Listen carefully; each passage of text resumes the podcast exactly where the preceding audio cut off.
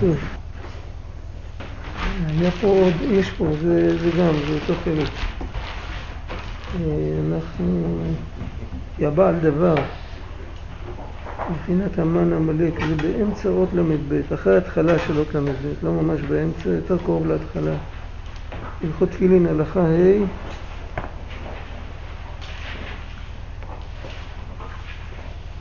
הבעל דבר, מבחינת המן עמלק, נקרא זקן וכסיל. זה מקהלת. אה, כתוב שהיה מלך זקן וכסיל והיה ילד קטן שמילט את העיר בחוכמתו, כתוב שם. הבעל דבר מבחינת המן עמלק נקרא זקן וכסיל, והילד, הילד מסכן וחכם זה יצר טוב, כך כתוב בגמרא. למה הוא נקרא זקן? זה שהוא כסיל זה ברור. בדרך כלל מסבירים שהוא נקרא זקן בגלל שהוא 13 שנה יותר מבוגר. הוא משעה שננער לצאת ממי אמו, נכנס בו יצר הרע. והחכם מגיע רק בגיל 13. אז הוא מבוגר יותר, הוא זקן. אבל כאן רבי נתן נותן עוד פירוש. כי הוא כופר בחידוש העולם. הוא זקן, הוא, השיטה שלו היא שיטה של זקנה, העולם הוא זקן. שמש, שמשם, מבחינת כפירה זו חס ושלום, עיקר בחינת הזקנה דסתרא אחרא. מבחינת זקן וכסיל הנ"ל. כאילו חס ושלום העולם הגשמי הזה ישן וזקן מכבר, רחמנא ליצלן מהי דעתא שבשתא, העוקרת את האדם לגמרי משני העולמות עדי עובד רחמנא לשזן.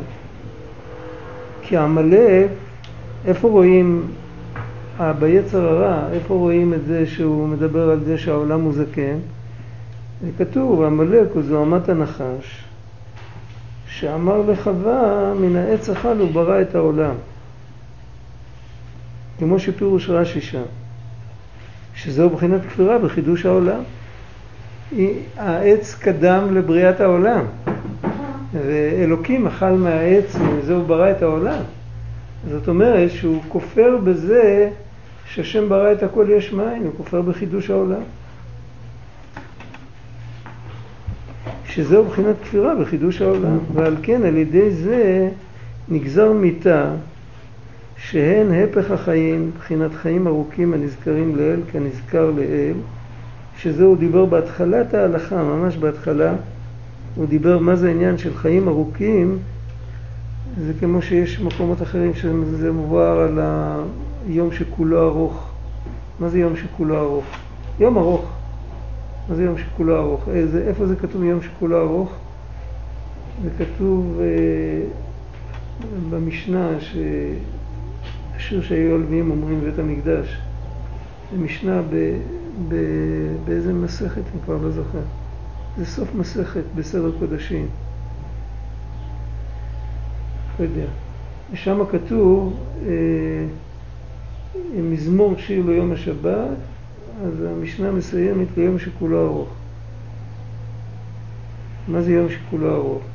אז מסבירים את זה, ככה כתוב בספרי פנימיות, אני לא זוכר בדיוק איזה ספר זה כתוב, שכל קטע ממנו הוא ארוך. זה לא יום ארוך רגיל, זה כמו יום ארוך בקיץ. עוברים הרבה רגעים, כל רגע הוא אותו רגע, ועוברים הרבה רגעים, עוד אחד ועוד אחד, בסך הכל זה נהיה ארוך. אבל כל רגע מצד עצמו הוא כאילו, הוא, הוא כהרף עין, ואפשר בקלות לפספס אותו. אבל שבת זה מרמז על השבת של העתיד לבוא. שבת של העתיד לבוא, אז כל רגע יהיה פתח לאינסוף. וזה צריך להבין שהמקום והזמן הם קשורים זה בזה. זה קצת ארוך להסביר את זה. אפשר גם להגיד, להגיד את זה על מקום. בן אדם שנמצא במקום מסוים, הוא נמצא במקום הזה שהוא נמצא, וזהו, הוא רואה מסביבו אופק אה, כזה וכזה. אם הוא רוצה לראות אופק יותר רחב, הוא חייב לעלות למקום יותר גבוה, נכון? אין, אין, אין, אין דרך אחרת. אבל אם בן אדם נמצא במקום שדרך המקום הזה, כמו שאתה סיפרת על רשב"י, כן. בן אדם נמצא באיזה מקום, ודרך המקום הזה הוא מתחבר לקדוש ברוך הוא. יהודי מגיע לכותל, או בזמן שבית המקדש היה קיים, כדרך שבא לראות, כך בא לראות. יהודי מגיע למקום קדוש, אז המקום הוא אותו מקום, הוא מקום, מטר זה מטר. חוץ מקודשי הקודשים, שהיה שם איזה נס, שמקום הארון אינו מן המידה, אבל ב... המקום הוא מקום גשמי לגמרי. ואף על פי כן, דרך המקום הזה, הוא לא סתם שהאופק שלו מתרחב אה, כאילו כמו שאם עולים אז רואים, האופק שלו מתרחב לעולם הרוחני. כאילו, פתאום הוא רואה, נפתחו השמיים והרי מראות אלוקים, הוא פתאום רואה אחרת את כל העולם. החוכמה זה לא אה, להיות רגע אחד שם ואחר כך לחזור כמו טמבל חזרה. אם רגע אחד שיוויתי השם לנגדי תמיד עד הסוף, אז אחר כך איפה שהוא הולך ואיפה שהוא... זה כמו אחד שפתרו לו את החידה. הוא לא צריך לראות את הפתרון כתוב. החידה נפתרה, עכשיו כשהוא רואה את החידה עוד פעם זה כבר לא חידה בשבילו. העולם הוא כמו חידה, והרגעים האלה זה כמו המקומות הקדושים והרגעים הקדושים זה כמו פתרון של החידה, ואז החידה היא לא חידה יותר. ויש את זה במקומות, זה אנחנו מכירים. יש את זה ברגעים, אנחנו מכירים את זה מסוף יום כיפור, יהודים צועקים אה, קראתי בכל לב, השם הוא האלוקים, משהו קורה שם בלב באמת, באמת בכל הלב, זה לא סתם אמירה. אבל הבעיה היא שאנחנו לא לוקחים את זה איתנו. היה פעם אחד הרבנים הגדולים בארץ, הוא שאל למה כשאומרים שמע ישראל בסוף נעילה, חמש דקות אחרי זה אומרים שמע ישראל בערבית, בערבית זה הרי מצווה יותר גדולה, זה מצוות עשה דאורייתא. אז למה לא מתלהבים כמו בשמע ישראל של נעילה? מה התשובה? התשובה היא שזה היה אווירה, זה היה מקיף. לא לקחנו את זה פנימה. אם ניקח את זה פנימה, אז זה יכול לשנות אותנו. באותו רגע אפשר לחטוף את זה פנימה? תלוי כמה מתכוננים. אם, אם באמת אומרים את זה בסוף יום כיפור, אז יש סיכוי. לכל הפחות 24 שעות לא, לא שכנו בתוך הצלחת. זה כבר עבודה גדולה. ובכלל זה זמן קדוש. עכשיו, אם, אם, אם ניקח את זה למה שדיברנו קודם, יום שכולו שבת, שבת, יש מצדיקים שהם אמרו ששבת, השעה אחת, שיפה שעה אחת בתשובה ומעשים טובים בעולם הזה יותר מכל חיי העולם הבא, אה, יש לפעמים, אין לך אדם שאין לו שעה, יש כל מיני ביטויים, כאילו תנצל, תנצל את הרגע.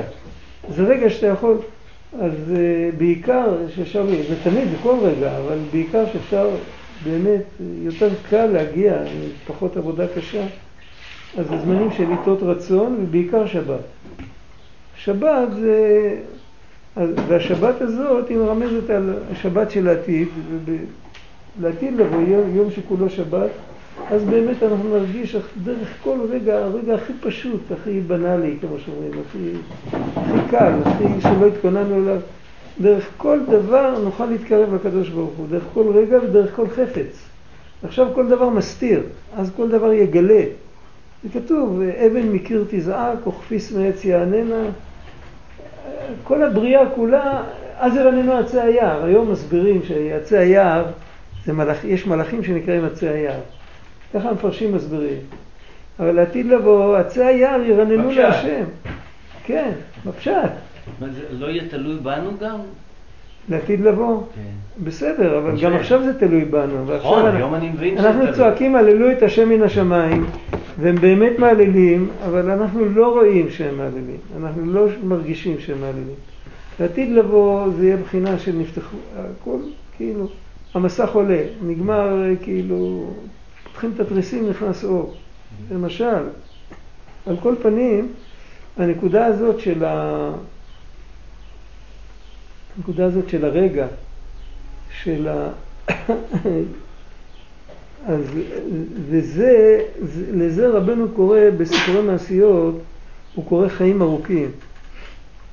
הוא, יש שם, אה, בסיפור של השבעה קבצנים, יש שם שני קבצנים הראשונים, הרי הסיפור הולך על, על אה, זוג, זוג ילדים שנעבדו ביער.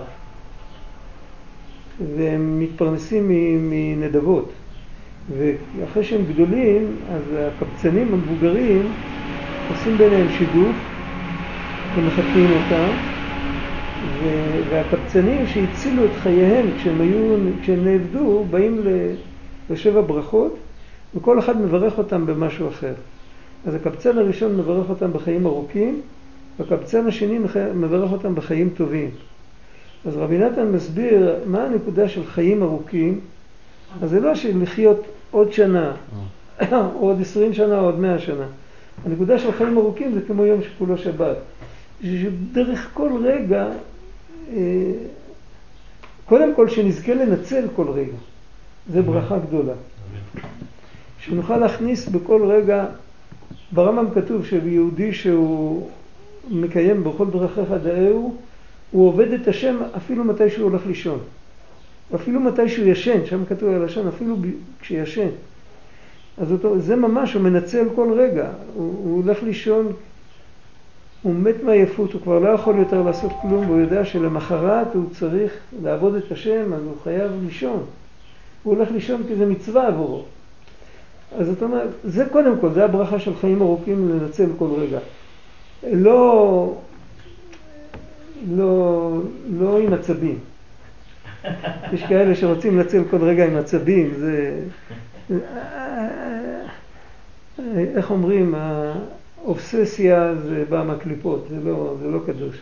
אבל בנחת, אבל הבעל שם טוב אמר, צריך להיות זריז ומתון, ושניהם ביחד.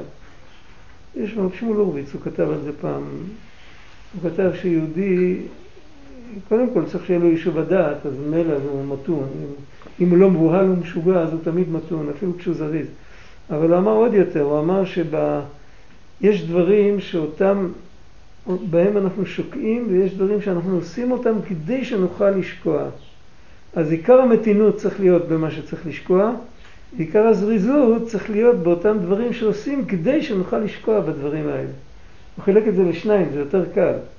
אבל על כל פנים, זה הנקודה, זה החיים ארוכים, ו- והזקנה זה בדיוק הפוך. הזקנה, אם לא מדובר על זקנה בפספורט, כאילו בגיל, זה לא, זה לא זקנה. יכול להיות יהודי שהוא ממש זקן והוא הוא עד הרגע האחרון, הוא... יש בזקנה, יש בזקנה את זה ש... יש זקנה פסיכולוגית. כן, זה, לא, יש את זה שהם יודעים, בן אדם יודע הכל. לא, זה עוד יותר גרוע. כן, אני אומר, כן, זה זה שם. עוד מעט נראה, עוד מעט נגיע הכל, לזה.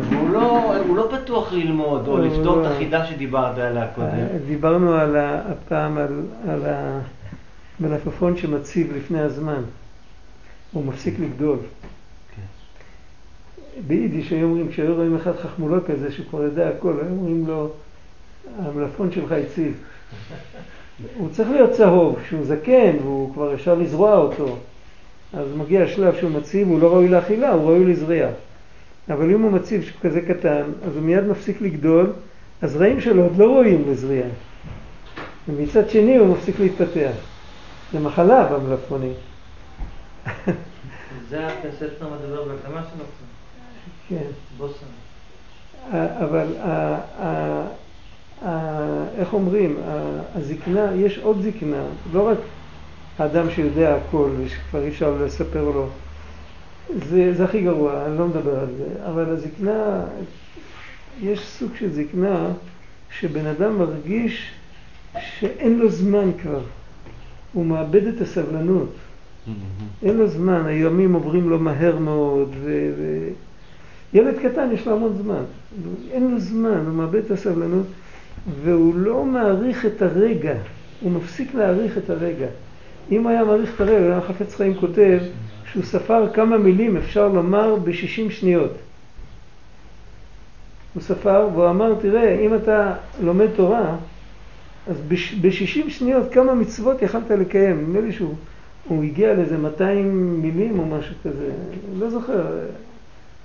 הוא ספר את המילים, הוא ישב עם שעון ואמר אה, מילים שידע בעל פה וספר כמה מילים, אחד, שניים, שלוש, אמר מספרים. אמר, הנה, אתה רואה, ב- אין לך זמן, אבל בדקה, כמה מצוות אתה יכול לקיים? הבן אדם שהוא נכנס לזקנה, הוא מאבד, את ה, הוא מאבד את הערך של הרגע. הוא בדיוק הקצה ההפוך מהבן אדם הזה שדרך הרגע הוא יכול להתחבר לאינסוף. והברכה שבירכו אותם שם, שיהיה להם חיים ארוכים, ככה רבי נתן מסביר תחילת ההלכה, שחיים ארוכים שכל רגע יהיה, יהיה, בל, יהיה משמעותי, שבן אדם יבין לטוב ולרע. אפשר גם לעשות 200 עבירות בדקה, אם מדברים לשון הרע ורכילות. בדיוק כמו שאפשר לעשות 200 מצוות. אבל על כל פנים הרגע הוא מאוד מאוד משמעותי. הוא לא כאילו, אתה מסתכל, אה, עוד רבע שעה צריך כבר ללכת, אז אתה כבר, זהו, אז אתה כבר לא עושה כלום יותר. הרב גד, מה, מה ההפוך של זה? היום, מה, מה? לא מה ההפוך של זה? היום בעולם יש הרבה מאוד אה, דגש דווקא על לחיות את הרגע, לחיות את ה... זה מין כזה... לנצל את הרגע. להתחבר דרך הרגע לקדוש ברוך הוא. לחיות את הרגע זה לקחת את אותה מתנה שהשם נתן ולא לפתוח אותה ולהתפעל מהנייר עטיפה שלה. ילד קטן, ולפעמים הוא אוהב יותר את המעטפה מאשר את התמונה, של, את ה... מה שיש בפנים, עוד אין לו שכל להבין. נותנים לו שם תהילים, הוא יבין את הערך של זה בגיל 13. עכשיו ילד קטן, הוא משחק עם המעטפה. זה ברור. איך, אבל איך אה, באמת אה, מנצלים כל רגע בלי... אה, בלי המתח. בלי המתח, או הפוך, או גם איך לא נופלים ל... זו שאלה, שאלה טובה, שאלה בשביל זה...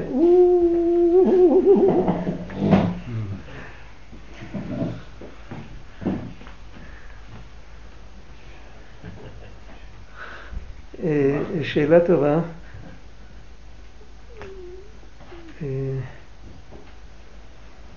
אני אגיד לך מה שאני חושב, אני לא יודע. האמת שזה, אם בן אדם באופן כללי יש לו יישוב הדעת, אם הוא מתבודד כל יום, מדבר עם השם, הוא יודע באופן עקרוני שהשם אוהב אותו, אז, אה, אז יותר, יש לו יותר יישוב הדעת, הוא פחות, אה, הוא פחות משתגע. אבל, אבל יכול להיות, יכול להיות שזה תלוי גם ברצו ושוב. מה אני מתכוון ברצו ושוב? יש את הרצו ושוב הגדול, שיהודי כוסף לקדוש ברוך הוא ואחר כך הוא חוזר, ואסור להיות רק ברצו ואסור להיות רק בשוב, זה כולם יודעים. אבל יש רצו ושוב בכל פסוק. בכל פסוק, בכל... אה, אם אתה חושב, היהודי שאמר את הפסוק בפעם הראשונה, מה, מה הוא הרגיש? הוא הרגיש געגועים וכיסופים, או שהרגיש שהשם מריק עליו כל טוב, וכאילו נותן לו שפע והוא אומר תודה. אז זה יכול להיות אפילו שני חצאי פסוק, שבחצי אחד זה ככה, ובחצי אחד זה ככה. ובדרך כלל זה פסוק, שניים, יש קבוצות של פסוקים שהם כאילו צעקה וזעקה וכיסופים, ויש פסוקים שזה כאילו, וואי, איזה יופי, כמה טוב, תודה. וזה. עכשיו, אם בן אדם, וזה גם בלימוד, גם בתפילה, גם בכל דבר, בכל דבר יש את, את, את שני התנועות האלה. אם בן אדם נכנס לתנועות האלה, אז קודם כל הוא מבין יותר טוב מה שהוא אומר, הוא זוכר יותר טוב, הוא מרגיש יותר את מה שהוא אומר, ונוסף לזה, הוא גם, כל המתח מתפוגג. המתח נוצר מזה שאתה נמצא פה, אבל אתה יודע שאתה צריך להספיק. אם יש לך פה מה לעשות עם זה, אז אתה לא, אתה לא רץ לאף מקום.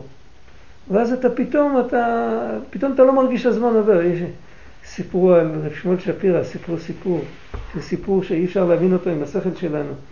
הוא התפלל פעם בליל שבת כמעט כל הלילה. זה היה ליל שבת של קיץ. ורב בורשטיין, הוא היה בחור צעיר, הוא היה השובב של המחלקה.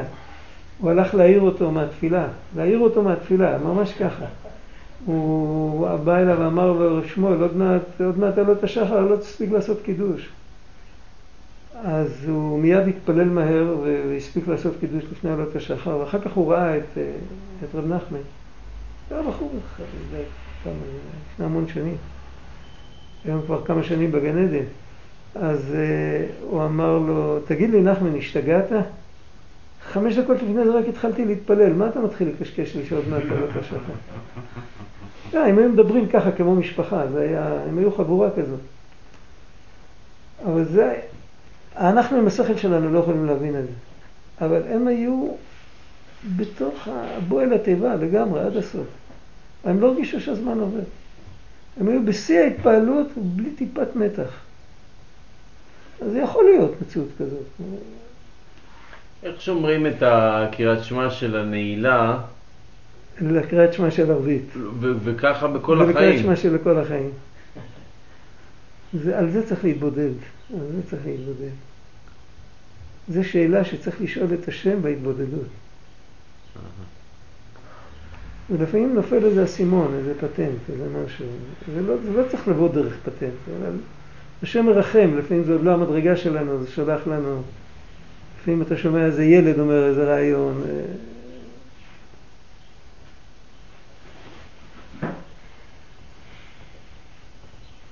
יש מצוות לינה בירושלים. לינה בירושלים. לינה. כן, יפה. פ- ופנית בבוקר והלכת לאוהליך.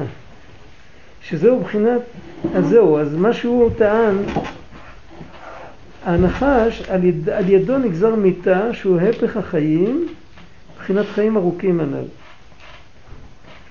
הנחש, לא, הוא לא מקצר את החיים על הפספורט או על השעון. הוא גונב את הזמן בצורה אחרת. הוא כאילו, הוא מכניס איזה רכיב של חוסר יישוב הדעת. הוא גונב את הדעת. הוא הופך את הבן אדם למשוגע. יצר הרע עושה את האדם משוגע ממש, ככה רבנו כותב. אין אדם חוטא אלא אם כן נכנס ברוח שטות, ממש. הוא מבוהל ומשוגע, רבינו מדבר על יצר הרע, אז הוא אומר משל ששני אנשים היו נוסעים עם סוס מבוהל ומשוגע. זה, זה הכינוי שהוא נותן ליצר הרע, כאילו, זה... אפשר לשאול את הביאור מה בדיוק הנחש רצה? מה אומרת, בדיוק? אם, אם אדם הוא נברא מהקדוש ברוך הוא. אדם- אדם וחווה נבראו מהקדוש ברוך הוא. אדם וחווה נבראו מהקדוש ברוך הוא. בזה היא לא כפרה. לא. אז מה? בגלל שהוא אכל וברא את העולם, היש מאין של עצמם זה לא מספיק? יש, יש הסבר, זה כתוב בספרים, ואני לא המצאתי אותו. יש הסבר ש... אבל זה הסבר בדרך הפשט לגמרי, זה כאילו... ואני אני לא אוהב לחזור עליו, אבל... אה, אתה יודע מה, אני אגיד לך את זה אחר כך, בסדר? אחרי השיעור, אוקיי? אני לא רוצה לדעת. מה? אני לא רוצה לשמוע. אני לא יודע, לא הבנתי מה השאלה. לא, לא, לא משנה, אני אגיד לך את זה אחר כך. יש, שם איזה הסבר שפותר את הבעיה הזאת. אני לא רוצה להיכנס לזה עכשיו. בסדר.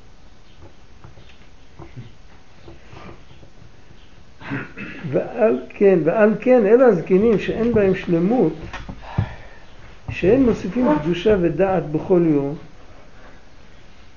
מה המשמעות כאן שזקן שאין בו שלמות, שלא מוסיף קדושה ודעת? למה הוא לא מוסיף קדושה ודעת? יש הוא לא בתוך זה, הוא... הגמרא קוראת לזה מקופיה, כאילו זה מין... הוא נוגע ואינו נוגע, הוא לא נכנס. אז מה זה המילה זקן בקדושה שלמדנו? זאת אומרת, למה זה נשאר זקן? למה לא ילד בקדושה? למה השאירו זקן? מה היתרונו של זקן?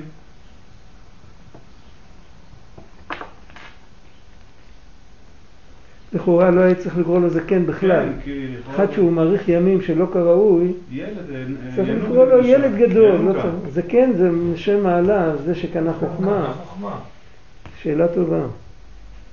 אולי הכוונה זה דיברה תורה כלשון בני אדם, מה שאנשים קוראים זקן, הוא באמת לא זקן. יכול להיות, אני לא יודע. לא יודע, באמת אני לא יודע. מישהו יודע? אני כשהייתי ילד אף פעם לא רציתי להיות זקן. ילד זה מעלה גדולה. כן. לא, לא מגיע לו כן. המעלה הזאת. ילד המעלה של ההתחדשות. הנה, אתה רואה.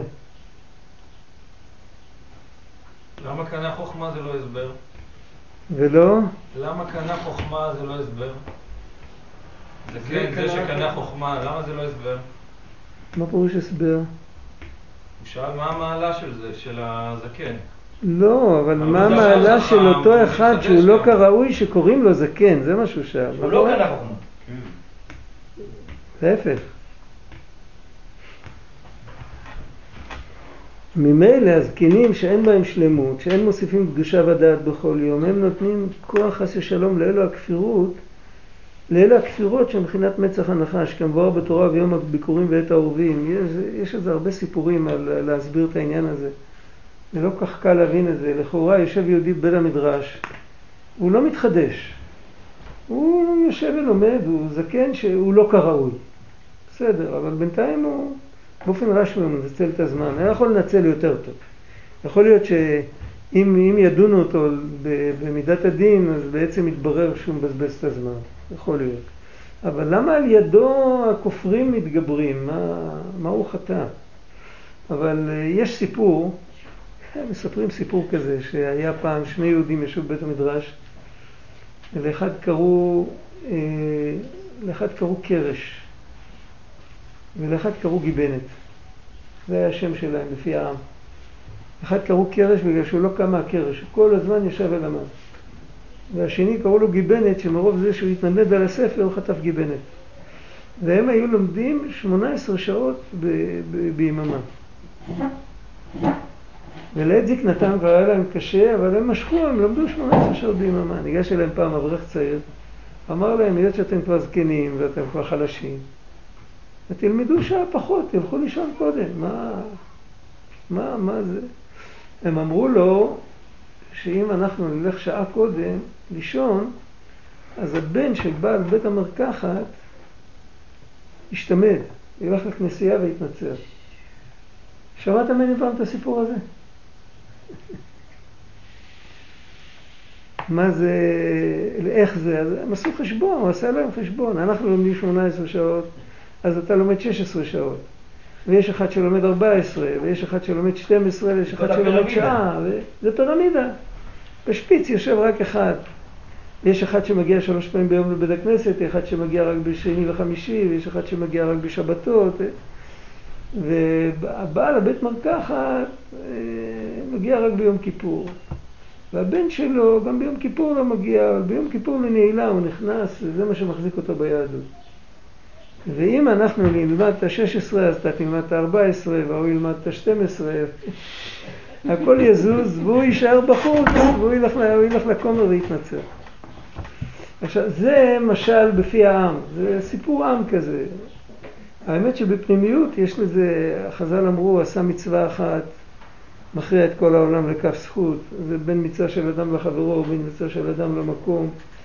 תמיד, אה, אם בן אדם משקיע את כל הכוחות שלו, שום דבר לא נעשה בחלל ריק. הוא תמיד, הוא מעורר את שורש נשמתו של עצמו, ועל ידי זה מתעוררים עוד שורשי נשמות. אני חושב אם שרבנו חס אומר את ושלום זה. הוא מ- מפסיק, וצריך להבין, כל יהודי יש לו אות בתורה שהוא מושרש. והאות הזאת יכולה להאיר בו, יכולה לא להאיר בו, יכולה לחכות. היא תאיר בו אחרי 120 שנה, אחרי שהוא יגמור עם הגיהינום, את- בגן עדן יאיר לו האור, האות שלו שבה הוא מושרש. אבל כדי שהיא תאיר לו בעולם הזה, אז זה צריך לבוא על ידי תרותא דלתתא, הוא צריך לעשות משהו בשביל זה. אם הוא לומד תורה, אז על ידי זה הוא מעורר את האות של שורש נשמתו, התורה היא כולה אחת. אפילו שהוא לומד דבר תורה אחר, יכול- יכול להיות שהוא מושרש בבית של בראשית, והוא לומד עכשיו את הלמד של עיני כל ישראל.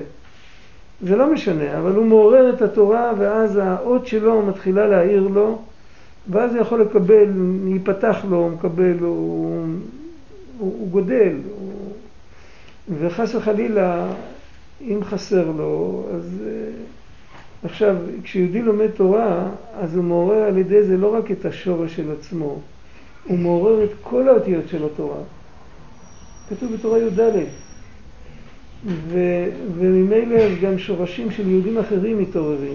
ולמרות שהם לא עשו התערותא דלתתא, אז נדמה לי, רק, רק לפני שבוע דיברנו על זה, החזון איש כותב באחד המכתבים שלו, שאם יהודי מתפלל על חבר שיחזור בתשובה, אז זה נחשב כאילו שהחוטא עצמו התפלל שהוא יזכה לחזור בתשובה.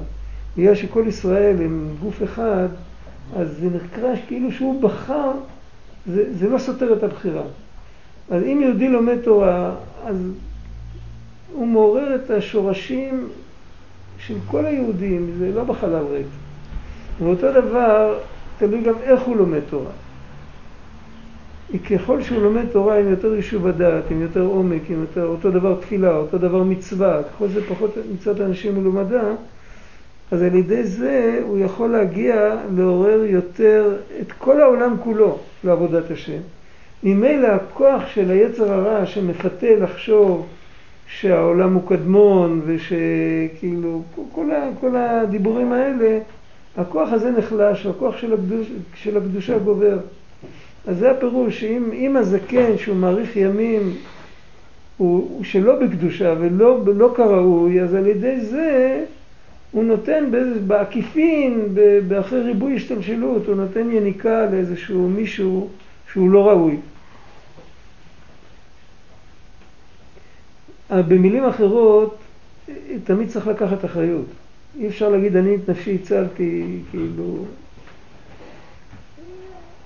צריך לזכור שכל דבר שיהודי עושה, אז הוא עושה את זה בשם כל ישראל. זה מה שנקרא לשמה. זה לשמה אמיתי.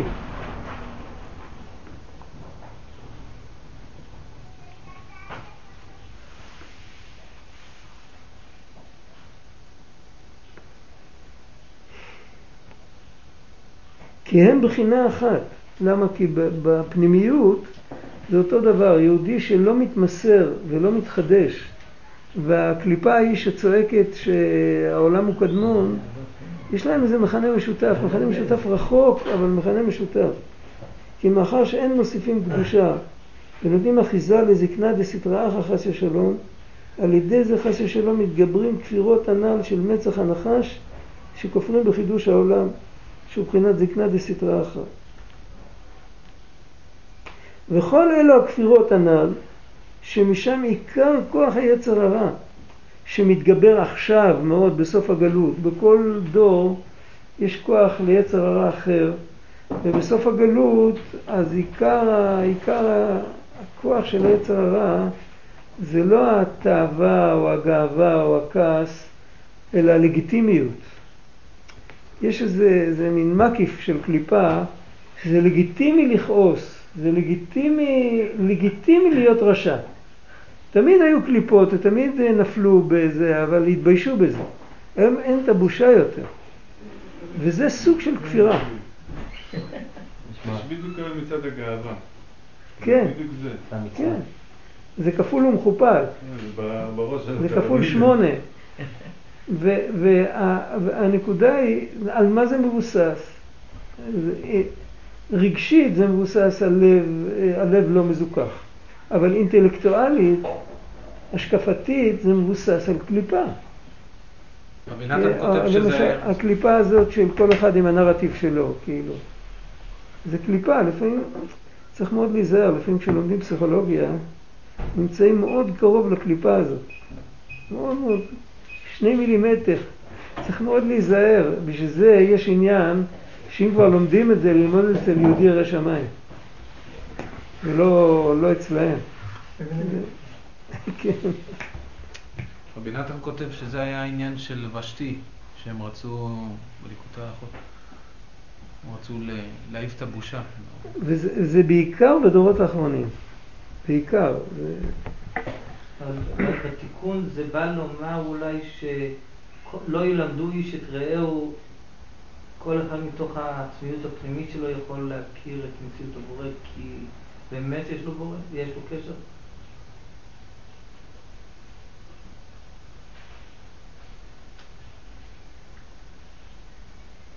נאמר זאת כך, שכמו שהרב הגדיר את זה, זה לא, זה לא בושה להיות, להיות קדוש.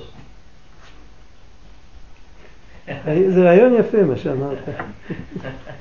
אם כל אחד עם הנרטיב שלו, וגם מותר להיות גם משוגע, אז גם מותר להיות ההפך. זה הרבה רבנים שהולכים לארה"ב להעביר כן. דרשות, אומרים שהם הרבה יותר פתוחים באמת. כן, זה הכל לגיטימי. אם הכל לגיטימי, אז צריך לנצל את זה זה. עובד. אתה צודק, זה יפה. זה נקרא ויגזול את החנית מיד המצרי. איך כתוב שם? הוא הרג אותו עם החנית שהוא גזל מהיד שלו. יפה.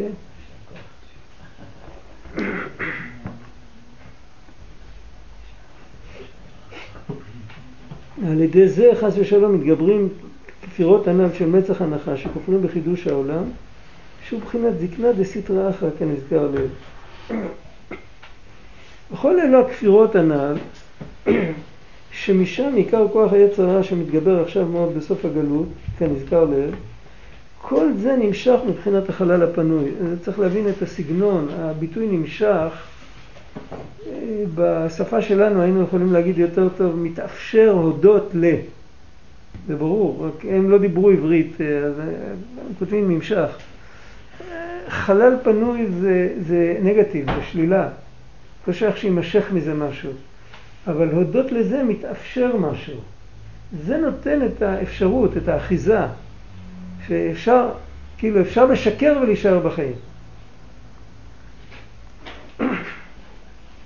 שמשם נמשכים כל הקושיות של המחקרים והפילוסופים, שאי אפשר לתרצם. יש כאן קושיות שאי אפשר לתרץ אותן, אבל צריך לדעת מאיפה זה מגיע, זה מגיע מהחלל הפנוי. שמשם כל האפיקורסיות עוד יותר, יש לפעמים שאם מנסים לתרץ, אז זה רק עושה יותר גרוע. יש בשיחות הר"ן, ממש באחד הסעיפים הראשונים של הספר, הוא כותב שהרבה פעמים שמתרצים למישהו קושייה כזאת, אחרי כמה שנים שהוא מתבגר, הוא רואה שעבדו עליו, שזה לא תירוץ נכון. ואז אה, להפך, אז גם ההוא שתירץ לי הוא גם לא יודע. ובמקום זה צריך להסביר לו שיש דברים שאי אפשר לתרץ אותם, והשכל לא ניתן כדי להבין דרכו את העולם, השכל ניתן כדי להשתמש בו. כמו שמשתמשים עם פטיש ועם מסור, משתמשים עם שכל, משתמשים עם רכב, עם מחשב. צריך להשתמש עם השכל, אבל השכל הוא לא... הוא לא הרב הראשי. כן, הוא לא, לא על פיו לא יישק כל דבר. לא, אפשר, אמרתי החכמה ורחוקה ממני. בקושיות האלה זה למש... אז, אז למעשה רוצים להבין את הקדוש ברוך הוא? לא, לא, לא, זה קושיות מסוג אחר. זה קושיות, זה קושיות מסוג של מאיפה אתה יודע שזה כך? מאיפה אתה יודע? על כל דבר שתגיד לו, ישאל אותך מאיפה אתה יודע. מאיפה אתה יודע? מאיפה אתה יודע? מאיפה אתה יודע? הוא צריך לדעת על כל דבר מאיפה אתה יודע. תוכיח. אבל אפשר אה, לסתום את הפה של בן אדם כזה, אתה יכול גם לשאול אותו מאיפה אתה יודע שאתה לא חולם עכשיו. הוא לא יודע לענות. אין תשובה לשאלה הזאת. אין תשובה לשאלה, לא באמת, אין תשובה לשאלה הזאת. אין לזה תשובה.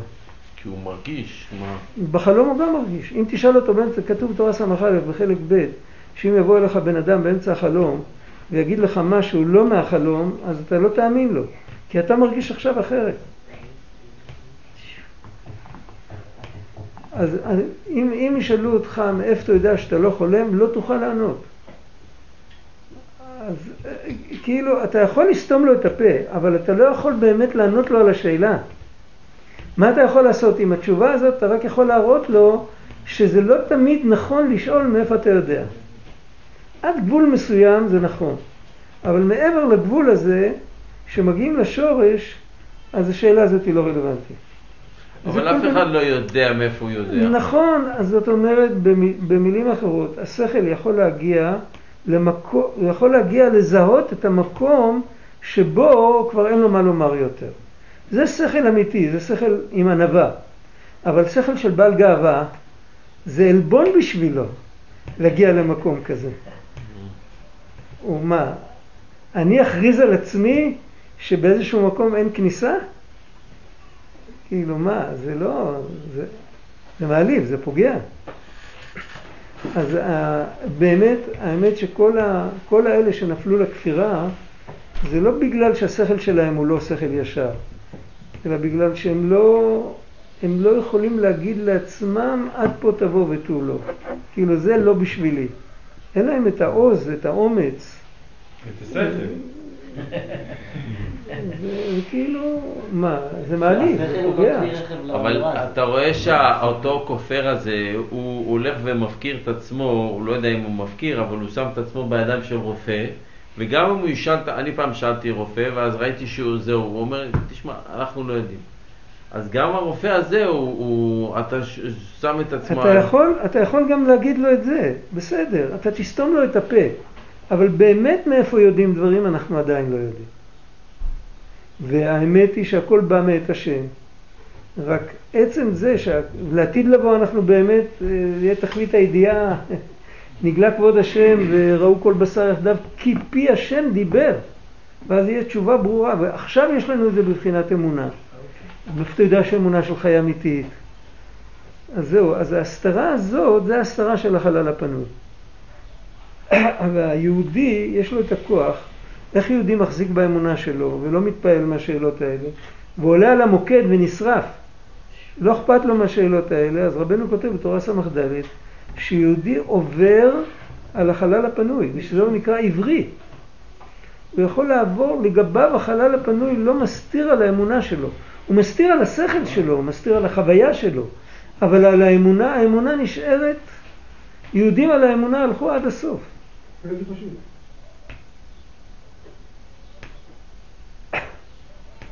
מה זה סוג שאלה של עולם התוהו? שלם כן מתרצים? זה עוד יותר, השאלה של עולם התוהו זה עוד אפשר איכשהו, כי זה כבר, כל, ה- כל, ה- גם האור של עולם התוהו הוא כבר אחרי הצמצום, זה כבר יותר מינורי. אבל האור שבא מהחלל הפנוי זה אור שבא מעצם האפשרות להסתיר את האלוקות. זה... רק צדיקים יכולים לטייל שם, זה, לא שייך. זה... ומשם נמשך כל בחינת היצרים רעים של כל בני אדם, כי שורש כל היצרים רעים הוא בחינת אל אחר, אל זר אשר בקרבך, כתוב בתהילים לא יהיה בך אל זר. זה היצר הרע, כי שורש כל היצרים הרעים הוא בחינת אל אחר כפירות, כמבואה בדברי רבנו ז"ל. היינו הכפירות של החלל הפנוי, שמשם עיקר אחיזת כל היצר הרע שבעולם, שמתגבר עכשיו ביותר. אחרת מה שפעם היה יצר הרע, גם היצר הרע היה יהודי דתי, מאמין. הוא לא יכול לעמוד על נפשו. חפץ חיים כותב. בשמירת הלשון, חפץ חיים כותב, הוא מוכיח את זה מאיזה רש"י, שבן אדם שחוטא לא מכעס ולא מתאווה ולא מ... הוא מביא עוד, או לא מחמדת ממון, ו... אלא בגלל שהדבר הוא מזולזל בעיניו, הוא קל בעיניו, אז ביחד עם זה, ביחד עם החטא הפרטי שהוא עושה, אז הוא גם, הוא גם כופר באלוקים חיים. ככה הוא כותב. עבירה בתוך עבירה. אבל כש, כשחז"ל ביטלו את העבודה זרה, של, ה, של העבודה זרה הם ביטלו. לא, לא יכלו גם את זה, של חז"ל הכפירה הם לא ביטלו. לא, כי אחרי שהם ביטלו, הם יכלו. אבל אחרי שהם ביטלו עוד היה, כופרים היה, אחרי שכבר העולם הפסיק להיות אלילי, זה לקח, זה היה תהליך, זה לקח, אבל כופרים נשארו לאורך כל הדורות. היה פחות, היה יותר, ועכשיו זה במודה, כאילו. יש כל פעם יש יצר הרע, יש מישהו שמחליף את המודה כל פעם. יצר הרע במודה זה הכפירה. אבל לתת, במציאות של היום, כל התורה שמדברת על התקדמות בעולם, היא גם שייכת? זאת אומרת, היום, היום זה לתת גיל לעולם. אבל ברגע שיש גיל, אז יש תחילה. אז יש קריאה של. אה, טוב, אנחנו עדיין מתעסקים עם הקדמות.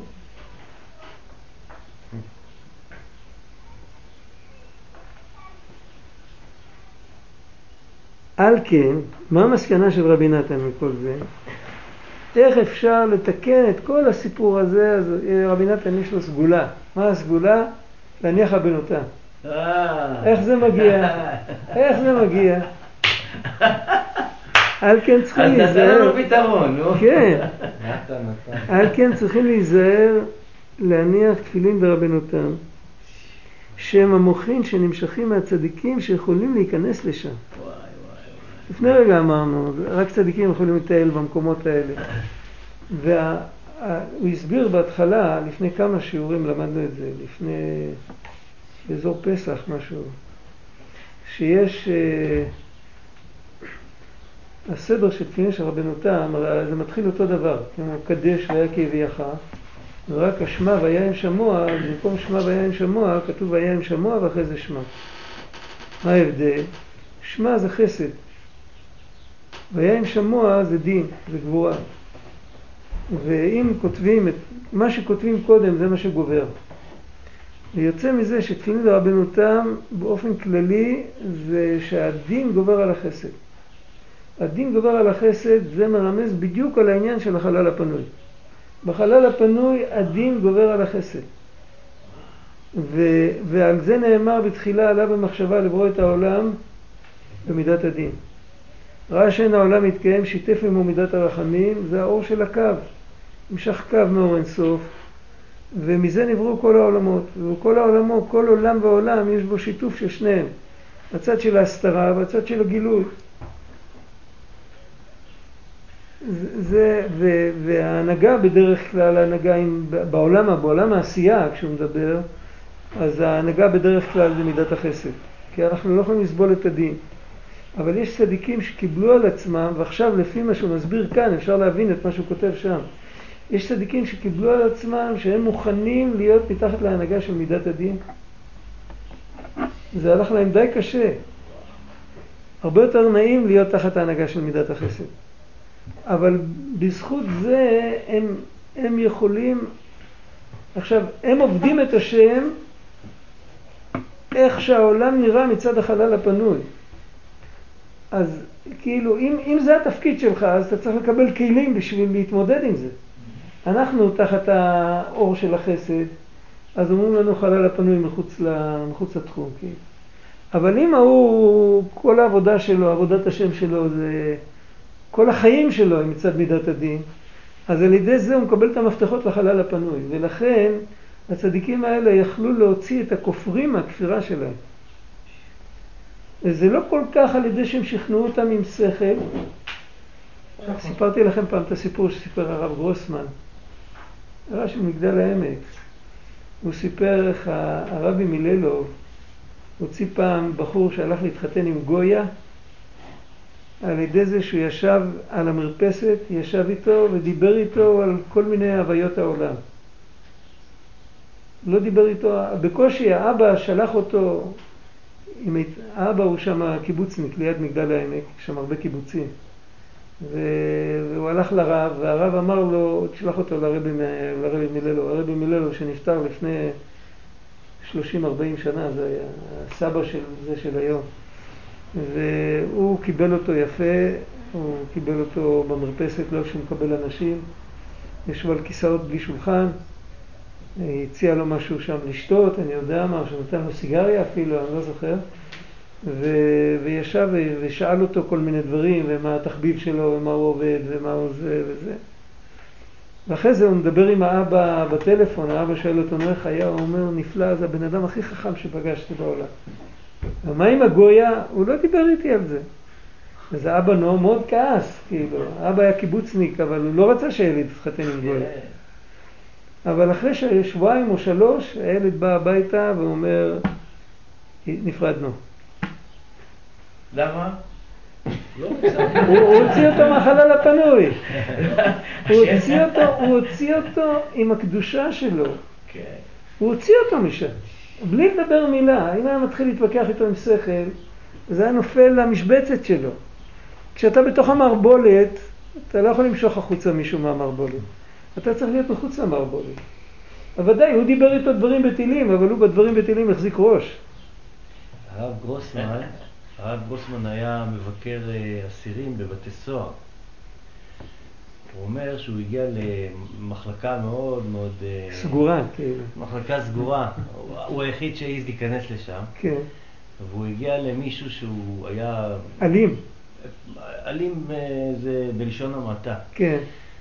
והוא נתן לו נשיקה. כן. ואותו אחד, הוא לא דיבר, אתה יודע, הוא... הוא כן. אף אחד לא היה מתקרב אליו. כן. הוא נתן לו נשיקה, כן. ואחרי שהוא קיבל ממנו נשיקה, ההוא הבין מה היה חסר לו בחיים. זאת אומרת, כי את זה אף אחד לא היה מסוגל לעשות לו, כי... אבל הרב גרוסמן כנראה עקף את כל, ה... את כל הפחדים ואת כל הזה.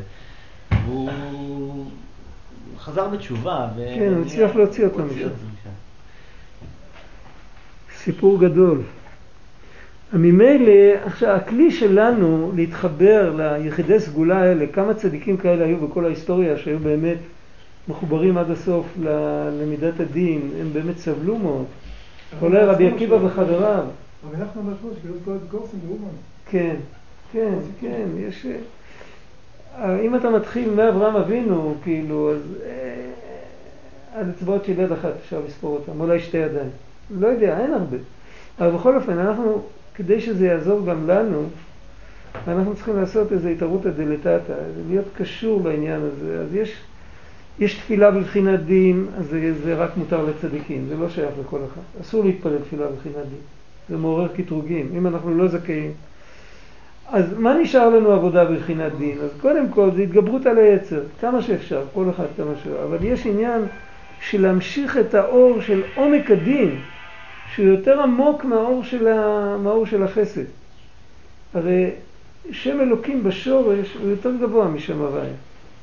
הראיה זה שהמילה גבורה היא אחד מהשמות של השם. כולם מפי משה, מפי הגבורה. חסד זה לא שם של השם. אומרים שהשם חסיד, אבל לא אומרים חסד. אבל גבורה אומרים גם גיבור וגם גבורה. גבורה זה כינוי שבו אנחנו מכנים את השם. זאת אומרת שהשורש של מידת הגבורה הוא מאוד מאוד גבוה.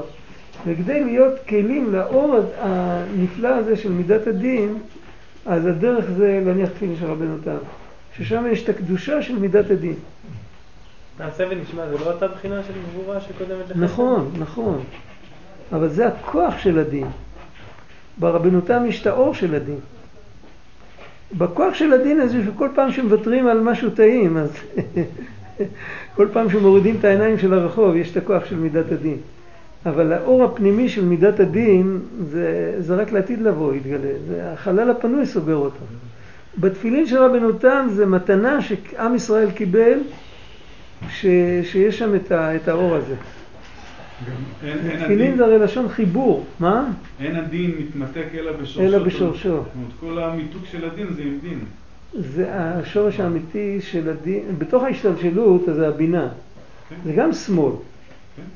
ובעומק יותר, השורש הראשון של מידת הדין, רב חיים ויטל כותב שעלה ברצונו אה, לברוא העולם, נתגלה שורש הדין. יש אחד מהלשונות, יש כמה לשונות. יש לשון אחת שעלה ברצונו, אז הוא עשה את הצמצום. יש לשון שהתגלה שורש הדין. שורש הדין הזה זה עוד לפני הצמצום. זה ממנו, זה, זה הרעיון של הצמצום. הצמצום זה כבר הפעולה של הצמצום. הרעיון של הצמצום זה שורש הדין, ושם מאיר אור נפלא. זה לפני הצמצום. זה כוח להעלים את הכל ולהשאיר אותנו בחושך. אבל שם יש אור נפלא עד אין קץ. הכוח הזה יש בתוך התפילין של רבנו תם. זה דבר שאי אפשר להבין, איך, איך דבר כזה... אבל זה לא האמונה חייבו? שלנו. אה? למה לא חייבו? דבר כזה גבוה אסור לחייב.